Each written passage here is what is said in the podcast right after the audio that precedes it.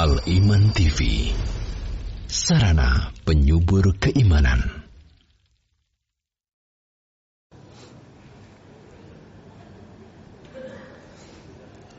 Innal hamdalillah nahmaduhu wa nasta'inuhu wa nastaghfiruh wa na'udzu billahi min shururi anfusina wa min sayyiati a'malina.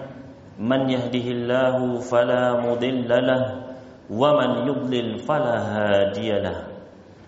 واشهد ان لا اله الا الله وحده لا شريك له.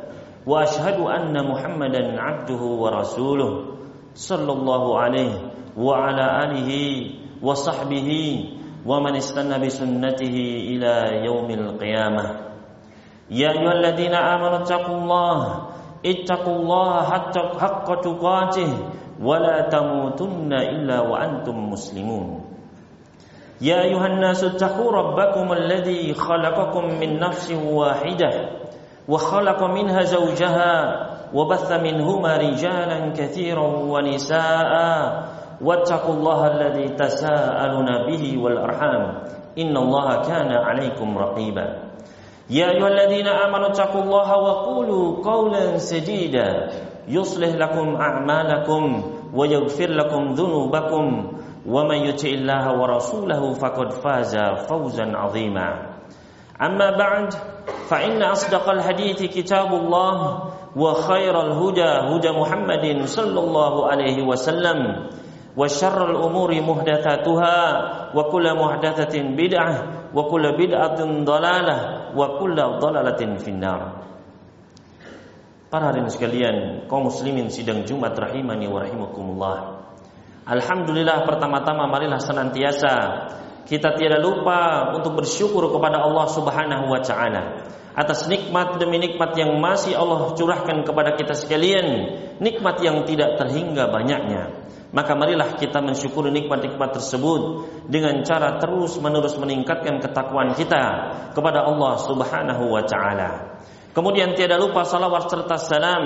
Semoga senantiasa Allah curahkan Kepada suri tauladan kita Nabi Muhammad sallallahu alaihi wasallam Dan juga kepada para keluarga beliau Para sahabat dan seluruh umatnya Yang istiqamah menghidupkan sunnah-sunnah beliau dengan baik hingga akhir zaman. Kaum muslimin sidang Jumat rahimani wa rahimakumullah. Allah subhanahu wa ta'ala telah menjelaskan kepada kita sekalian di dalam sebuah ayat di dalam Al-Qur'anul Karim yaitu di dalam surat Al-Baqarah ayat ke-155 Allah Subhanahu wa taala berfirman وَلَنَبْلُوَنَّكُمْ بِشَيْءٍ مِنَ الْخَوْفِ وَالْجُوعِ وَنَقْصٍ مِنَ الْأَمْوَالِ وَالْأَنفُسِ وَالثَّمَرَاتِ وَبَشِّرِ الصَّابِرِينَ Allah Subhanahu wa taala mengingatkan kepada kita sekalian dalam firman-Nya dan sungguh kami benar-benar akan menguji kalian dengan sedikit dari rasa takut, dari rasa lapar dan kekurangan jiwa, kekurangan harta benda dan buah-buahan dan berikanlah kabar gembira kepada orang-orang yang bersabar. Di dalam ayat yang mulia ini, Allah Subhanahu wa taala menegaskan, menjanjikan, menekankan kepada kita sekalian bahwasanya seseorang ketika hidup di dunia, dia pasti akan diuji oleh Allah Subhanahu wa taala akan datang ujian-ujian baik itu berupa musibah-musibah besar maupun kecilnya. Makanya Allah Subhanahu wa taala berfirman, "Wala nabluwannakum" dan sungguh kami benar-benar akan menguji kalian. Oleh karena itu janganlah seseorang di dalam hidupnya dia berangan-angan bahwasanya hidupnya akan mudah, hidupnya akan lurus-lurus saja apabila dia bertakwa kepada Allah Subhanahu wa taala, maka pasti ujian itu akan datang. Dan ujian Allah menyebutkan ada berbagai macam bentuknya. Ada itu ketakutan, ada itu kemiskinan, ada dengan diuji dengan kematian. Maka bagaimanakah sikap seorang hamba? Bagaimanakah sikap kita sebagai seorang muslim ketika kita ditimpa ujian? Allah Subhanahu wa taala telah memberikan petunjuknya. Di akhir ayat tersebut, Allah Subhanahu wa taala memberikan jawabannya, wa basyiris sabirin dan berikanlah kabar gembira kepada orang-orang yang bersabar. Maka sikap seorang mukmin ketika pertama kali dia dihantam oleh ujian ditimpa musibah, maka hendaknya dia bersabar. Kemudian para hadirin sekalian kaum muslimin sidang Jumat rahimani wa rahimakumullah. Allah Subhanahu wa taala membuka dengan ujian. Dan Allah telah menjelaskan bagaimana sikap kita yaitu dengan bersabar. Namun di dalam ayat tersebut Allah menyelipkan wa basyir dan berikanlah kabar gembira. Maka apa kaitan antara ujian, sabar dan kabar gembira? Mengapa Allah Subhanahu wa taala menyebutkan ujian, bersabar dan menyelipkan kabar gembira?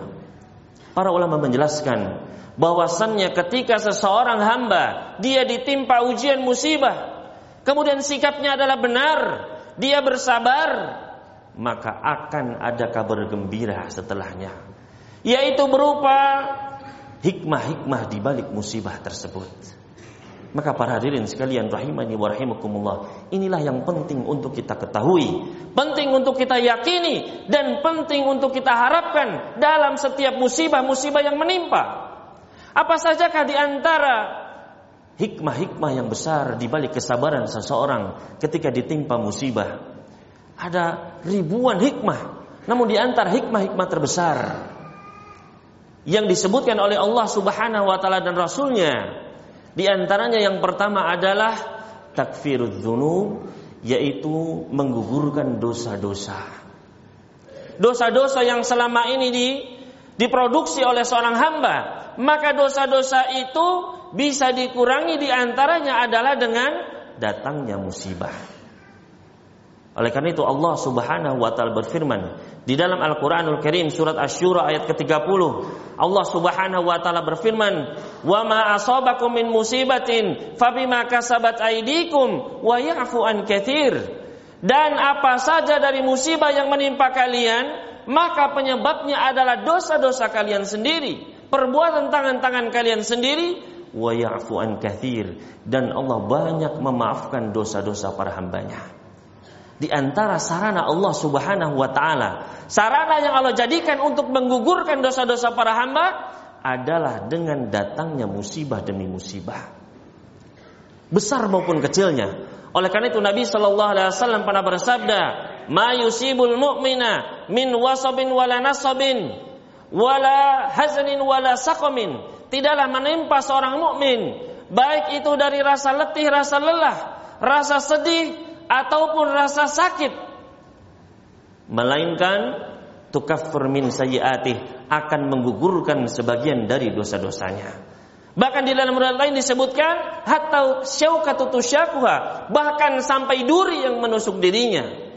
Maka ikhwani fiddin rahimani wa rahimakumullah, hal-hal yang mengganggu seseorang, yang menyakiti seseorang, baik itu pada tubuhnya ataupun rasa sedih, rasa gundah, maka semua itu adalah musibah yang bisa menjadi sarana diampuninya dosa-dosa sebagaimana daun-daun berguguran dari sebuah pohon. Nabi SAW pernah bersabda di dalam sebuah hadis yang sahih diriwayatkan oleh Imam Bukhari dan yang lainnya, "Ma yusibul mu'mina min adza illa hatallahu khatayah kama tahatu warakus syajar."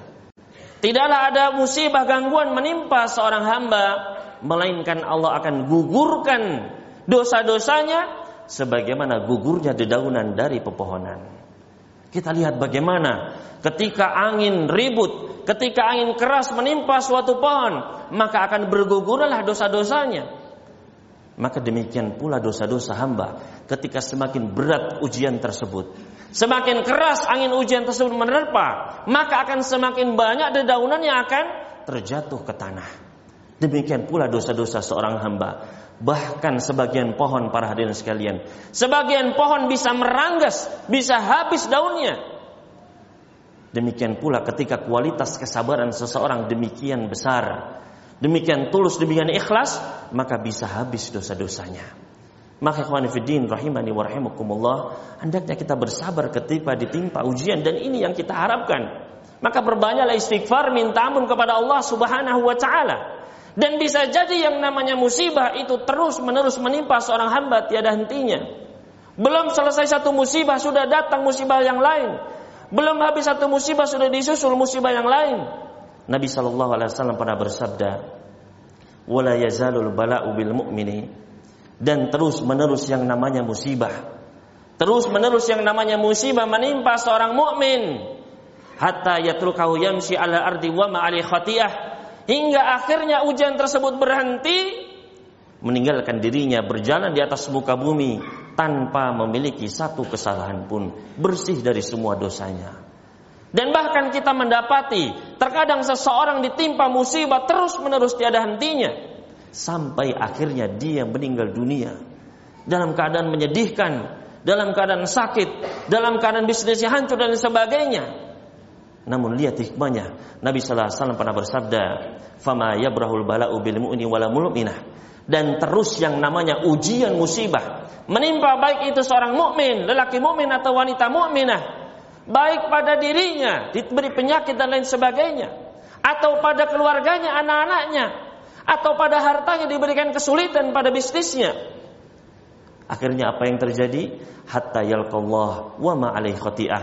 Akhirnya dia berjumpa dengan Allah Subhanahu wa taala dalam keadaan sudah tidak memiliki kesalahan, sudah tidak memiliki beban dosa. Maka ikhwan fillah rahimani wa rahimakumullah, inilah hikmah yang sangat besar. Hikmah lainnya yang kedua, di balik datangnya musibah. Yang kedua yaitu pahala yang tanpa batas. Apa makna pahala tanpa batas?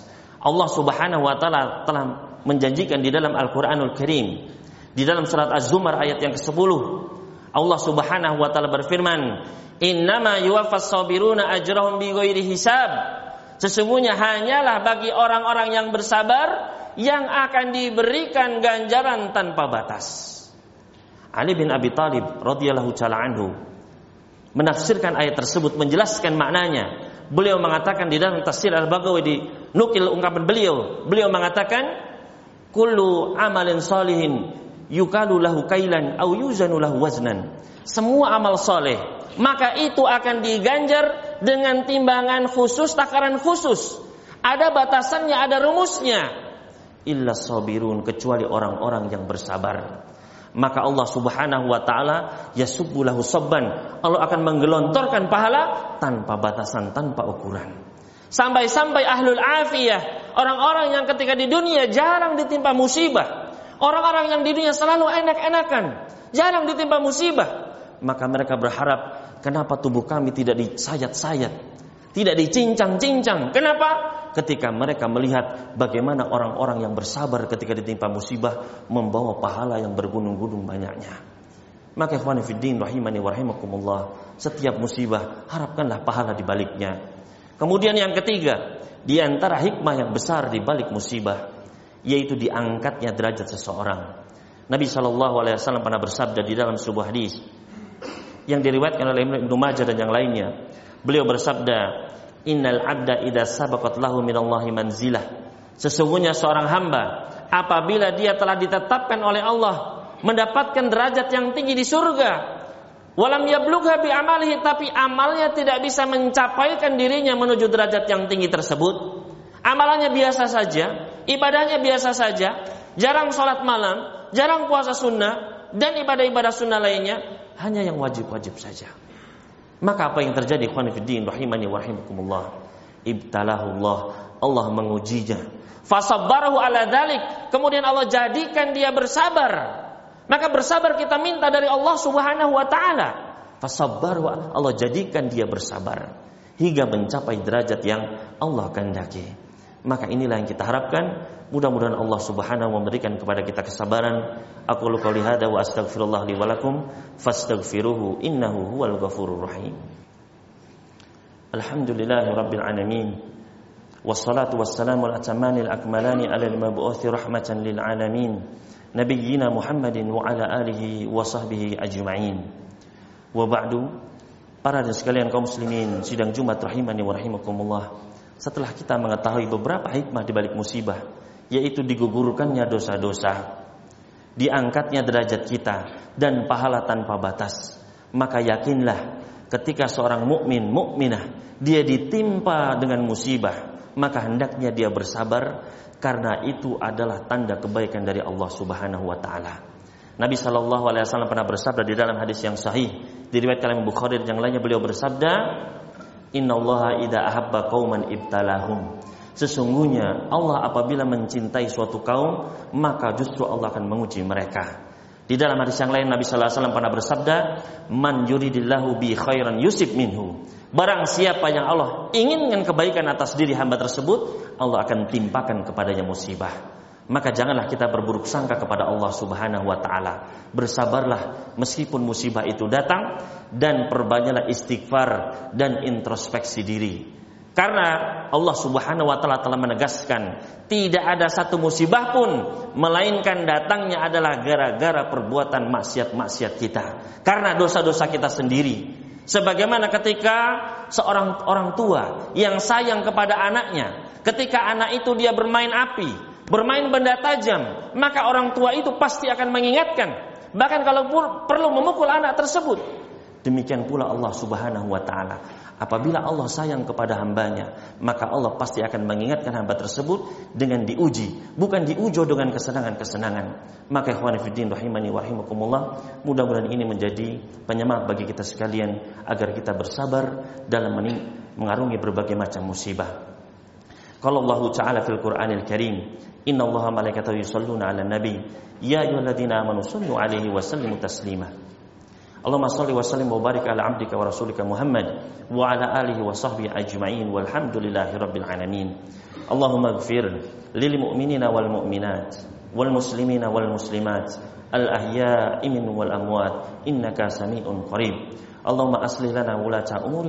bitanatan salihin wa saddid khutahum. Allahumma ighfir lana ولوالدينا وارحمهم كما ربونا صغارا. ربنا آتنا في الدنيا حسنة وفي الآخرة حسنة وقنا عذاب النار. وصلى الله على نبينا محمد وسلم على المرسلين والحمد لله رب العالمين. وأقم الصلاة. Al Iman TV Sarana penyubur keimanan